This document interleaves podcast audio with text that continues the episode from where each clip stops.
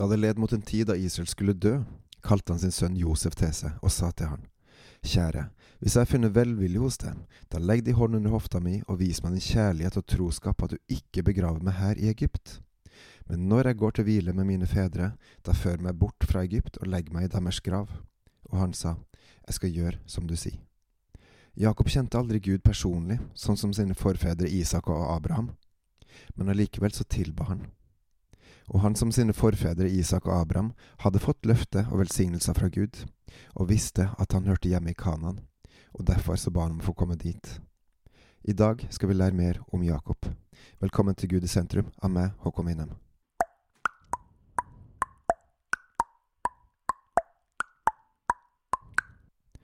Jakob opplevde mye i løpet av sine 147 år.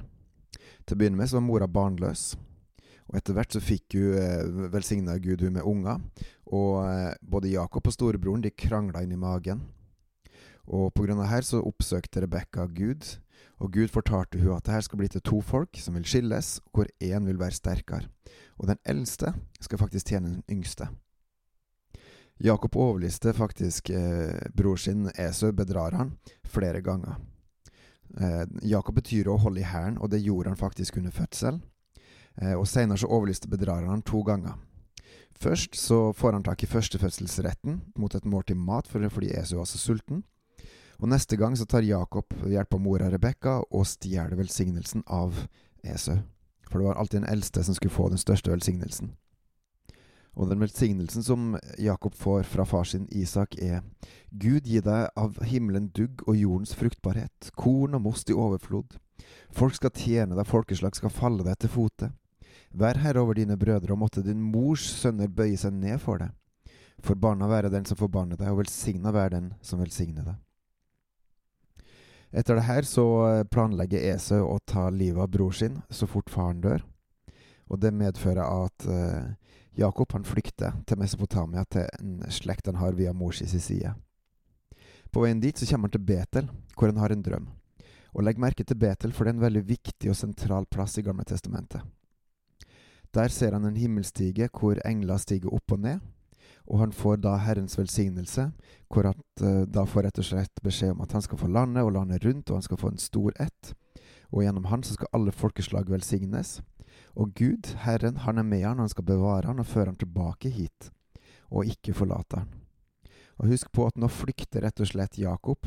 Han flykter vekk fra sitt eget land og over til et helt annet plass, langt, langt borte. Og Jakobs løfte er dersom Gud er med meg, bevarer meg på ferden, og gir meg brød og klær, og, og jeg kommer tilbake til min fars hud i fred, så skal Herren være min Gud, og han skal gi vekk en tiendedel av alt han eier. Jakob han blir da altså 14 år oppe i Karan, hvor han får seg to koner, to medhustre, elleve sønner og ei datter, og er veldig rik. Og så får han beskjed av Gud om å vende tilbake til fedrelandet, til slekta, og at Herren skal være med han, på hjemreise så blir det først et brudd med Laban. Gud advarer faktisk Laban både mot å si godt og ondt mot Jakob. Og så innfører de også en pakt, hvor eh, de da forteller hverandre med sverging at de verken skal gjøre sånn eller sånn. Altså en fredspakt. Og legg merke til hvor bindende pakten her er, at dette og dette krever de ganske konkret. At hvis den gjør sånn, eller hvis han andre gjør sånn, så har de brutt pakten. Og det skal de ikke gjøre. Og så, på veien eh, videre, like før å møte bror sin, så får rett og slett Jakob en kamp med Gud. Det er en fysisk kamp som pågår veldig lenge, og til slutt så velger mannen som han kjemper med, å slå hofteskåla ut av ledd. Og Jakob får da beskjed om at nå skal du ikke lenger hete Jakob, men Israel, for du har kjempa med Gud og med mennesker og vunnet. Og heldigvis, så like etterpå, så møter Jakob Esau, og de forlikes, og de finner fred. Litt seinere sier Gud til Jakob at han skal dra til Betel, altså plassen der hvor han så himmelstigen. Og da skal du dra og bli Betel, bygge et alter for meg. Og Jakob tar med seg alle sine, eh, og han sier til dem, bort med fremmede guder, rens dere og skift klær. Og når de dro opp dit, så førte Gud en redsel over byen omkring, sånn at de ikke forfulgte Jakob og hans sønner, på grunn av dine episoden. I Betel så bygde han et alter, Og Gud åpenbarer seg igjen for ham, og Gud velsigner Jakob og sier at is er litt navn, og du skal være fruktbar og bli tallrik, du skal bli til et folk, en mengde folkeslag, du skal få konge, og får, han fikk landløftet både, som både Abraham, Isak og han hadde fått, og den skal være til din slekt, og du skal få landet. Deretter så dør Rakel når hun føder den siste sønnen til Jakob, Benjamin, og deretter også faren hans Isak. Jakob har på det tidspunktet her tolv sønner, hvor eh, Benjamin er den, eh, den, yngste lille. Men han har en favorittsønn, og det er Josef, fordi han er en alderdomssønn. Og Josef, sønnen hans, har altså to drømmer hvor han ser at de andre bøyer seg for han. Og på grunn av dette så blir brødrene hans misunnelige, og de sier til far sin at Josef er dødd, sjøl om han bare egentlig blitt bortført som en slave til Egypt. Og for Jakob så er Josef død, og det går hardt innpå han.